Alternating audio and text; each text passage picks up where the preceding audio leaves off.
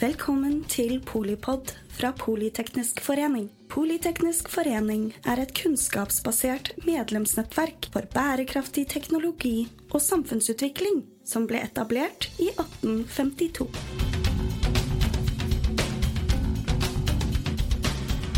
Velkommen til eh, Polipod, eh, hvor vi spør om alle gode ting er eh, tre.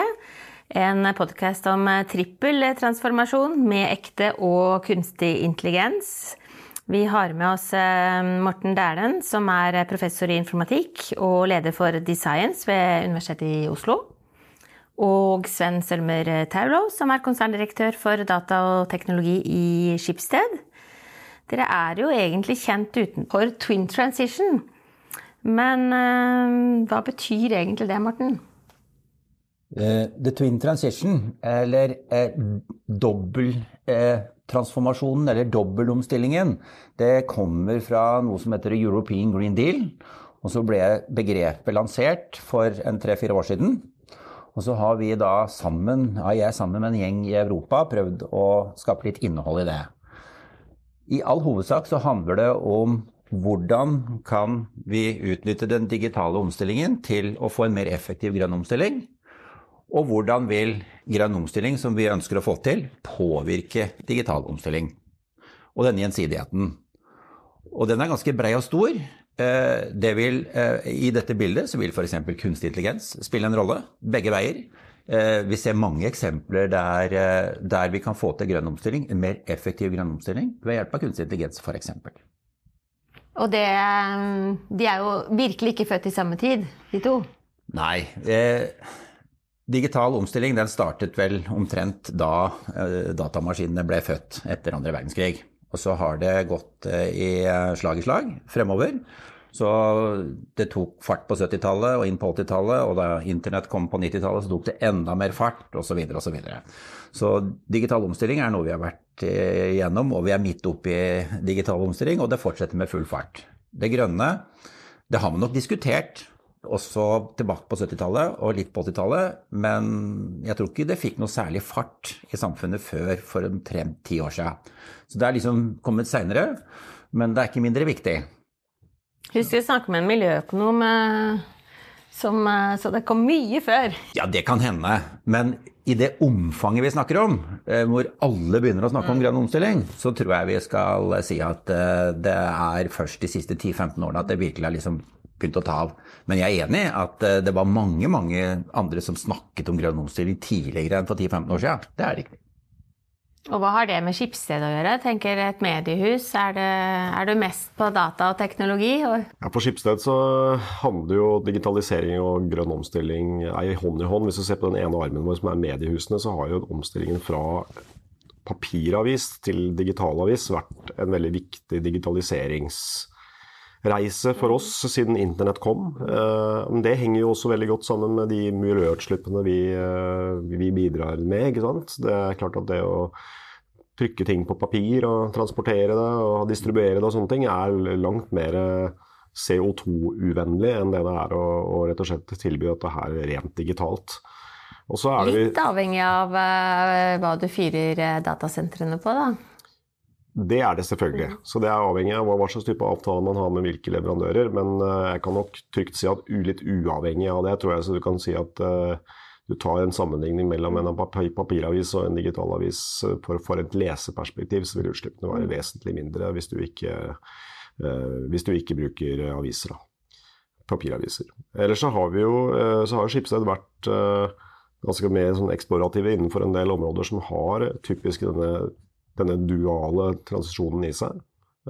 vi har gjort investeringer i et selskap som heter Tibber, som er jo et veldig interessant selskap som rett og slett bidrar til effektivisering av strømforbruk eh, hos husholdninger, og bruker jo ekstensivt eh, digital teknologi for å gjøre det. Som er mye mer avansert enn det strømselskapene har klart å levere før inntil kanskje de siste par årene at de begynner å henge etter. Mye sensorikk, mye automatikk eh, som tilbys da til sluttbrukeren. Og Det er jo spennende å se hvordan det går videre. Det er noe som vi skal prøve å balansere nettene våre for, eh, for, eh, for, miljøvennlig kraftproduksjon, som gjør at vi får mye mer større spikes og mye større daler. og Da må man tenke annerledes på hvordan man balanserer nettene. og Da kan husholdningene være viktige, og kanskje også Tibber være viktig.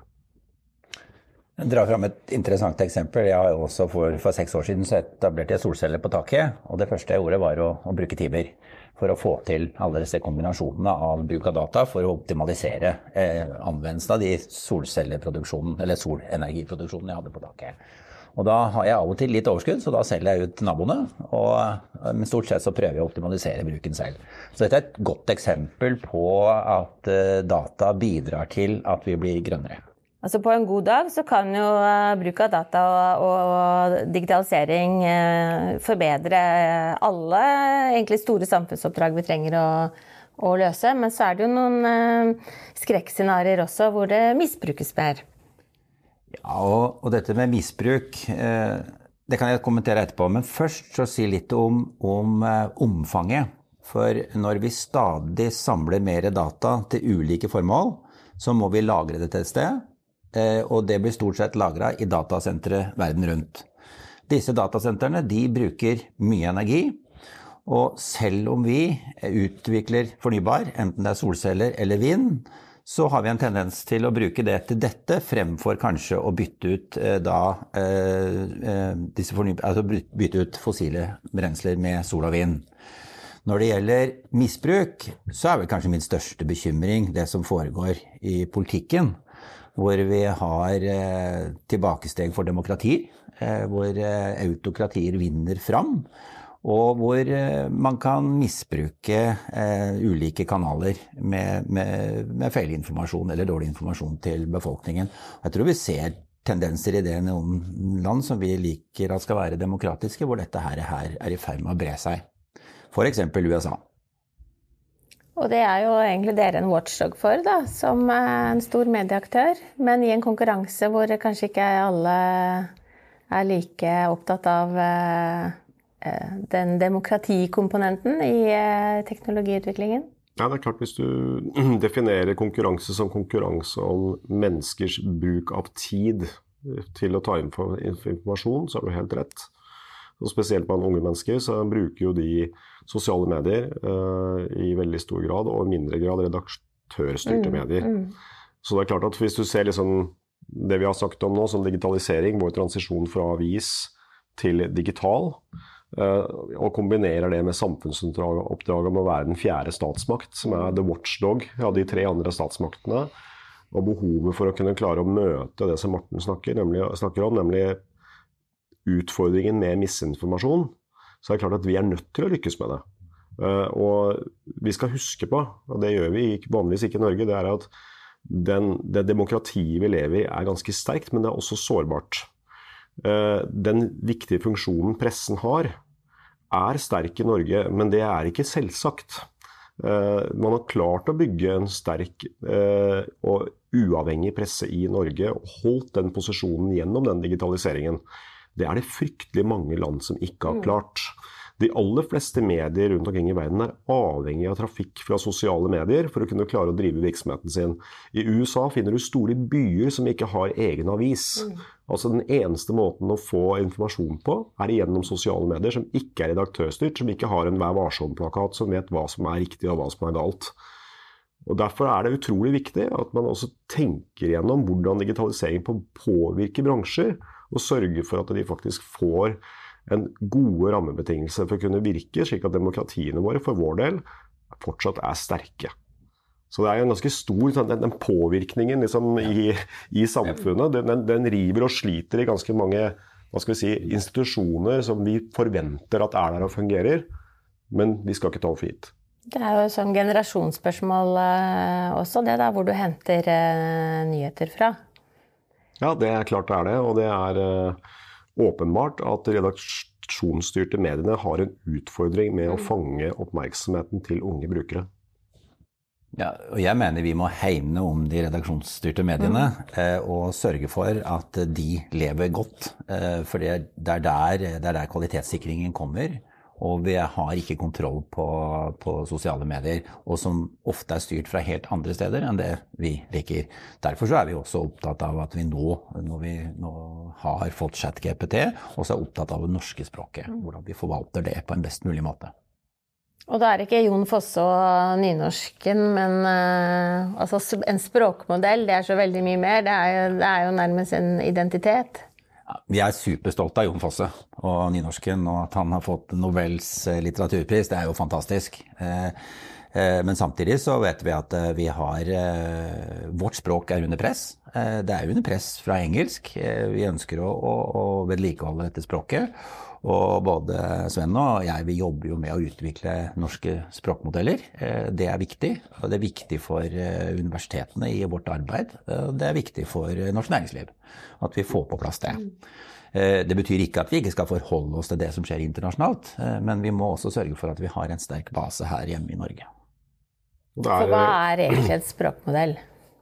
Er, hvis du, jeg pleier å gjøre det litt enkelt, da, så, så kan du tenke at du har en bil og hvis du sier at bilen er chat-GPT, så er motoren det er språkmodellen. Uh, språkmodellen kan brukes til mye annet enn å lage en bil. Men det er det folk ofte relaterer det til. Men det er rett og slett en modell som, som ved hjelp av veldig store mengder data har lært seg å gjette det neste ordet i en setning på en veldig bra måte, og som ikke føles som gjetting når du bruker det hvis den er trent på riktig vis, og er veldig kraftfull for mange ulike problemer. Så når Morten og jeg snakker om språkmodeller på norsk, så, så snakker vi ikke om å lage en kopi av ChatGPT, men mer målrettede språkmodeller for problemstillinger som er relevant for norsk offentlig og privat sektor. Mm. Så Det er som utgangspunkt. Og jeg tenker at det språkmodellet er veldig interessant. Jeg skal ikke ta dette som en språkmodellpodkast, men det er veldig interessant i konteksten av digitalisering. Mm. For du må huske på at Digitalisering startet i utgangspunktet, kanskje hvis vi skal ta det i hvert fall i vår generasjon, da, liksom, da internett kom på midten av 90-tallet, så satte det virkelig fart. Og det har liksom drevet veldig mye av digitalisering. Og så ble det, så det fjula enormt da smarttelefonene kom i 2007. Uh, og så, Hva har egentlig skjedd etter det? Det har vært forenklet infrastruktur med sky og sånne ting. Men nå kommer kunstig intelligens og generativ AI, men også det smalere AI som blir brukt på veldig mange ting som man ikke tenker på i dag. Uh, og det vil jo egentlig liksom turbocharge igjen en digitalisering i en del bransjer som tidligere ikke har kanskje vært så utsatt for digitalisering som det en del andre bransjer har vært. Og da kommer liksom det store spørsmålet som vi har diskutert mange steder. det er sånn, Hvor essensielt er det å ha denne motoren på bilen eh, i en tilstand hvor den faktisk er god på norsk? Og vår hypotese er at jo, det er faktisk ganske viktig. Ikke for alle formål, men for ganske mange formål som er spesifikt for vårt språk. Og Hovedutfordringen i dag er jo ikke at vi, vi kan få, få, tak i nok datamaskiner til å lage disse språkmodellene. Vi har nok kompetanse til å gjøre det. Eh, det finnes kanskje vi trenger litt mer penger for å gjøre de liksom profesjonaliserte på slutten. Men hovedutfordringen er å få tak i nok norsk data fra de store innholdsprodusentene, som er mediehus og forfattere. Mm. Og uten det så vil Norge sitte med språkmodeller som er vesentlig dårligere på norsk, men som alle kommer til å bruke til å generere norsk. Som igjen kicker tilbake på kulturen mm. vår. Som du kan begynne å stille spørsmål kan det til syvende og sist, hvis du er litt søkt, slå tilbake til hvordan demokratiet vårt er satt opp. Så det er, det er en stor årsakssammenheng her, hvor i hvert fall min personlige mening er at språkmodeller er veldig viktige. Og det at vi har flere typer, hvorav noen av dem må være gode på norsk, tror vi er også helt sentralt. I så har vi jo noen, datasett som er, noen norske datasett som er uh, latterlig gode, da, også internasjonalt. Og så er det gøy, det her, da. Ja, altså, det, det, jeg tror, altså, Norge har nok data, eh, men det handler om tilgjengeligheten til disse dataene. Mm. Eh, vi har Nasjonalbiblioteket med en relativt stor database, men den er sannsynligvis ikke stor nok. Vi må inn i forlagshusene og hente ut eh, god litteratur og, og, godt språk, som er grunnlag for å lage en språkmodell som faktisk fungerer i tråd med det. Tekster, ja, lange tekster. Ja. Lange og mange. Og akademiske avhandlinger og sånn også, da? Det også. Nå er, jo, nå er jo disse generative metodene de blir jo etter hvert også multimodale, som det heter. Så du kan Det, det er jo ikke bare naturlig språk, du får programmeringsspråk, du får det matematiske språket, du får bilder osv. Og, så og dette kombineres da til å generere. Eh, så generative metoder er jo en slags form for maskinlæring hvor du kan generere noe, eh, f.eks. en tekst eller et bildemodalitet eller en programkode ut av et sånt stort system, hvor du, som Sven sier, du har på en måte gjetta hva som kommer. Hva er det mest sannsynlig neste ordet? Hva er det mest sannsynlig neste kommando? Og det er det det handler om. Og så har vi i tillegg da, til dette som er språk og disse multimodale systemene, så har vi også fått en del helt spesielt smale anvendelser som er fantastisk skarpe. Eh, hvor disse generative metodene viser seg å være, ha enorm effekt. F.eks.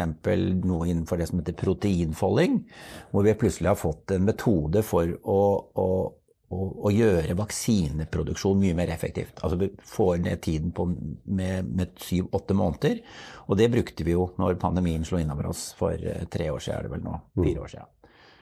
Og innenfor et annet område på medisin, som er eh, kreftdiagnostikk. Mm. Hvor du får en ekstrem forbedring i diagnosene ved hjelp av disse generative metodene, eller kunstig nevrale nett, som det også kalles. Og Det er da anvendt da på språk, og så har det skapt disse kraftfulle språkmodellene som vi nå eh, har rundt oss, og som vi diskuterer bruken av, og som vi må utvikle. Og som vi er enige om at vi må ha en norsk variant av for å kunne løse spesielle utfordringer. Sånn tenker vel alle land? Det er jo ikke bare norsk kultur og identitet som er eh, på en måte både særegen Det er mange som tenker sånn, og så er det noen som ikke har tenkt så langt. Nei. Så du har eh, Jeg vil jo si at eh, av våre nære så er det jo både Finland og Sverige og Island mm. og Norge ganske sånn langt framme. Jeg vil si at uh, Mitt inntrykk er at danskene er litt bak. Uh, det er mulig at jeg tar feil, Morten, men det er i hvert fall inntrykket jeg har hatt når jeg har hatt dialog med dem. Uh, og så er det eh, ganske skjellsettende. Nå var vi i San Francisco en hel gruppe med, fra både regjeringen og fra ulike forskningsmiljøer forrige, for et par uker siden. Og det er klart at Når vi snakker med Nvidia, som er den store produsenten av GPU-er, så sier jo de at de, liksom, de hadde den ene regjeringen den andre dagen og den andre regjeringen den tredje dagen. Men det som er litt skjellsettende, det er de sier at uh, denne datakraften finnes stort sett bare på den nordlige halvkule. Ja. Det finnes to liksom, kraftfulle nok GPU-clustere på den sørlige havkule, og that's it. Mm. Og Det er jo også litt sånn tankevekkende, hvis du liksom tenker på politikk, eh, det grønne skiftet, demokratisk eh, spredning osv. At det blir kanskje en enda større forskjell mellom nord og sørlig halvkule, og også mellom land som evner å bygge denne type kapasitet og fag, fagområder. Og det forsterker vel eh, geopolitiske Man forsterker geopolitiske mm. forskjeller. Også, mm. og jeg kan jo legge en liten cliffhanger, og det er at alle GPU-er blir produsert i Taiwan. Nettopp. ja. Men dette med Det er ikke uten grunn at Taiwan uh, står som liksom, uh, det viktigste området på det, verdenskartet for tiden. Men, men, det, men dette med, med nord-sør-problematikken, det er kanskje den aller største. Og, eh, og jeg syns Europa går for så vidt i front der. For når de snakker om the twin transition, som vi begynte med, som inneholder veldig mye av denne teknologien, så er de ikke bare opptatt av energiomstilling og, og naturen, men de er også opptatt av, tungt opptatt av rettferdighet. Mm. Altså hvem kommer dette til gode?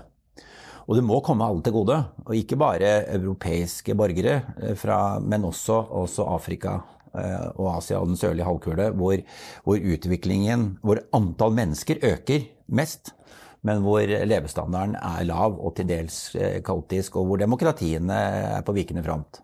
Eh, det er for så vidt også delvis i Europa, har vi registrert.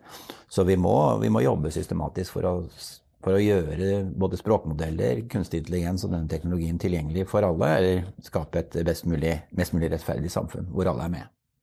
Det er jo den litt sånn trippel transition eh, jeg tenker på, da. At, eh, at det er en stor Det er noen store eh, både grønne og, og mer sosiale store skift mm. som digitalisering kan hjelpe oss til å, å, lykkes med, men som kan forsterke hvis vi liksom sover i timen på hvordan vi hvordan vi eh, går videre. Har dere noen eh, Dere er helt sikkert klare innspill til regjeringens eh, nye digitaliseringsstrategi? Jeg har ikke en bred og grundig forståelse for den strategien, det skal jeg være ærlig og innrømme. Men det, det som har vært hvert fall min kjepphest, og Skipsteds kjepphest, det at, er at hvis, hvis, du tror at uh, kunstig intelligens-bølgen som kommer innover nå, er grunnleggende, og det tror vi. Og så kan det alltid være noen hype, og du blir litt sånn skuffa neste år, og sånne ting, men den er en grunnleggende mm. stor endring som har en, skylder også over oss, på en måte. og Norge skal være konkurransedyktig i tiden framover, så er vi i hvert fall nødt på regjeringsnivå å tilrettelegge for at våre akademiske institusjoner, forskningsmiljøer og den offentlige sektoren har tilgang nok på den datakraften og de ressursene de trenger for å kunne utvikle Norge i denne retningen. Helt, og, og, her er det snakk om at ja, man kan bruke ting i Lumi i Finland, og vi kan bruke noe her og der, men det er som ikke at én ting løser alt. Uh, og da vi var på datasenteret på Berkeley til Department of Energy for to uker siden, og det viste oss et datasenter med 16 000 GPU-er. Uh, og det offentlige i Norge, i hvert fall i forskningsinstitusjonene, vi er ikke snakker om, om vi snakker om et par hundre, så er vi kanskje heldige av hva vi har tilgang til i det, i det offentlige. Så, så skjønner alle sammen at her er vi kanskje nok til å skru opp lite grann. Hva er en GPU? Det er en sånn prosessor som man bruker for Først var det veldig morsomt å spille 3D-spill med det, husker jeg. Mm. Hvor jeg var, var, var liten gutt og bygde datamaskiner. Og så brukte man det til å crunche bitcoins. Mm. Og så har det blitt vist seg at de har vært ufattelig flinke til å bruke de til å lage nevrale nettverk. Mm. Så alle disse store datasentrene som lager språkmodeller og nevrale nettverk, de bruker GPU-clustere da hovedsakelig for en leverandør som heter Nvidia, og så har du AMD, og så kommer det flere osv. Men det er den store leverandøren. Morten har sikkert masse å kommentere på dette. Ja, men du, Dette var veldig bra, Sven. Altså, er, og, og, og, du slår jo inn veldig åpne dører hos oss når du sier at vi trenger en infrastruktur for å drive med dette. Den, vi er også opptatt av den infrastrukturen som skal være så grønn som mulig og plasseres på lokasjoner hvor vi bruker fornybar energi, og at vi lager algoritmer som er så effektive som overhodet mulig. Eh, hvis jeg skulle komme med en anbefaling til regjeringen, så måtte det handle om, eh, om eh, kunnskapsutvikling generelt og utdanning spesielt. Eh, vi et, vi, vår demografiske utvikling i Norge tilsier at det blir ikke flere 19-åringer. Og vi skal dekke veldig mange formål. Vi må sørge for at vi får tilstrekkelig mange 19-åringer som velger digitalisering i kjernen av digitalisering, men også tilegner seg kompetanse, slik at de kan anvende det godt. Så vi må jobbe med utdanningene våre, eh, sånn som vi for så vidt gjør. Men eh, volumet på det vi får til, er nok i minstelaget for de utfordringene vi nå ser. Så det er liksom, tror jeg er det viktigste vi må gjøre. Og så må vi være åpne for å endre oss på universiteter og høyskoler for at dette skjer. Så til slutt, rundt akkurat det, så tror jeg vi skal samarbeide mye tettere med næringslivet eh, når det gjelder eh, den type skolering. Så jeg er ikke så direkte opptatt av etter- og videreutdanning som sådan, eh, men jeg er opptatt av at vi finner samarbeidskonstellasjoner som gjør at vi effektivt kan utnytte den kompetansen vi faktisk utvikler. For det vil nesten ubønnhørlig, enten vi vil det eller ei, så blir det ikke mange nok.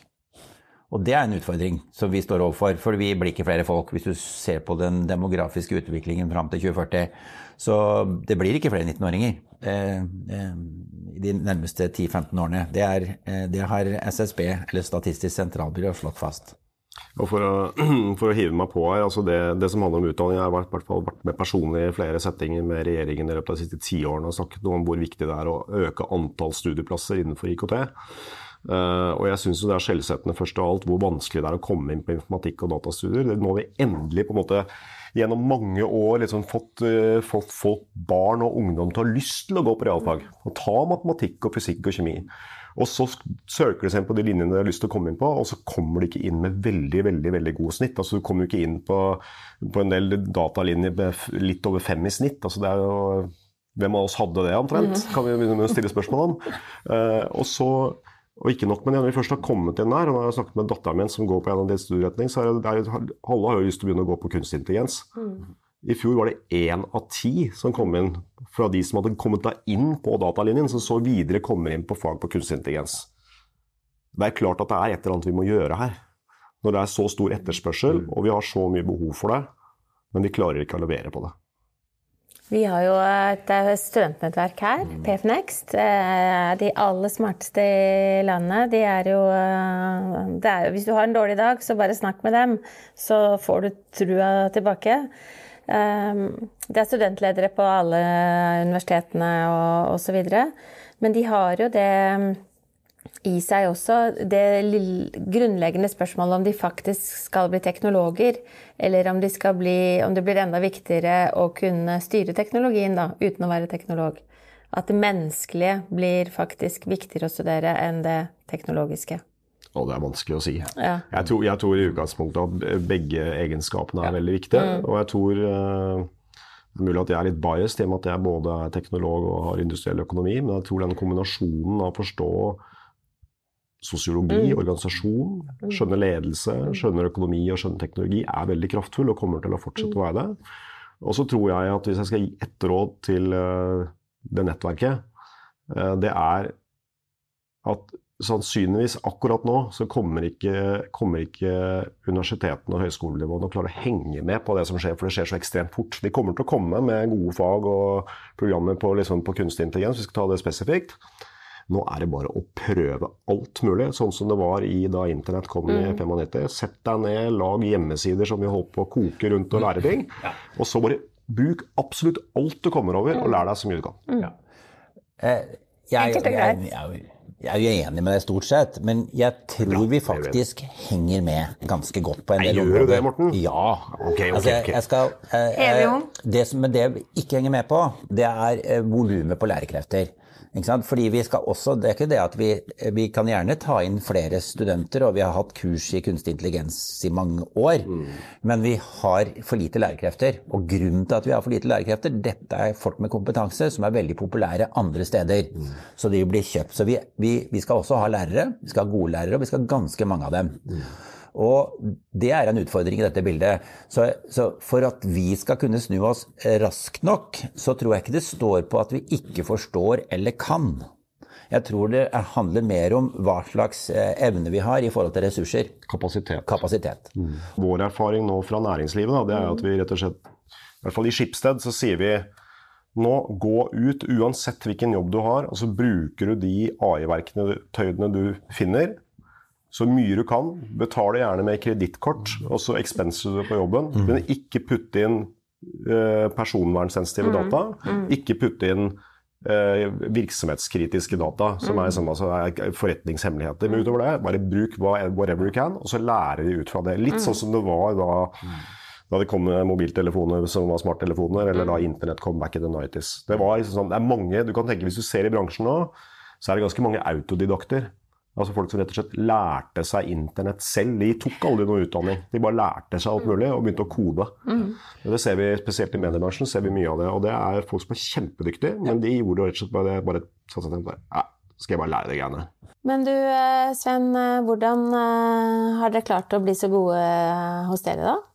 Jeg vil ikke si at vi er gode overalt, men vi har i hvert fall forsøkt å lære opp våre, alle våre medarbeidere som ønsker eh, om kunstig intelligens, være seg om de jobber med produkt, eller om de er teknologer, eller om de er, jobber med helt andre ting. Eh, så vi har rett og slett satt opp et eh, internt opplæringsprogram som vi har holdt på med nå et års tid. Vi har vel trent opp rundt eh, 950 personer nå. Eh, tipper at halvparten av dem har gått sånn mer e-læringskurs som vi har laget selv. Eh, mens resten har gått klasseromsundervisning. Og så har vi, har vi eh, rett og slett hatt litt erfaring med at vi har brukt eksterne først til å drive med eh, utdanning. Det fungerte ganske dårlig, de fikk ganske dårlig score. Og så tok vi rett og slett over det selv og hadde våre egne lærere, altså folk internt fra som hadde jobber, men som kunne det, og som kunne lære bort. Og da ble det kjempebra, for da, det, da har de liksom konteksten og kan forstå hva er problemene med de, deres kolleger jobber med.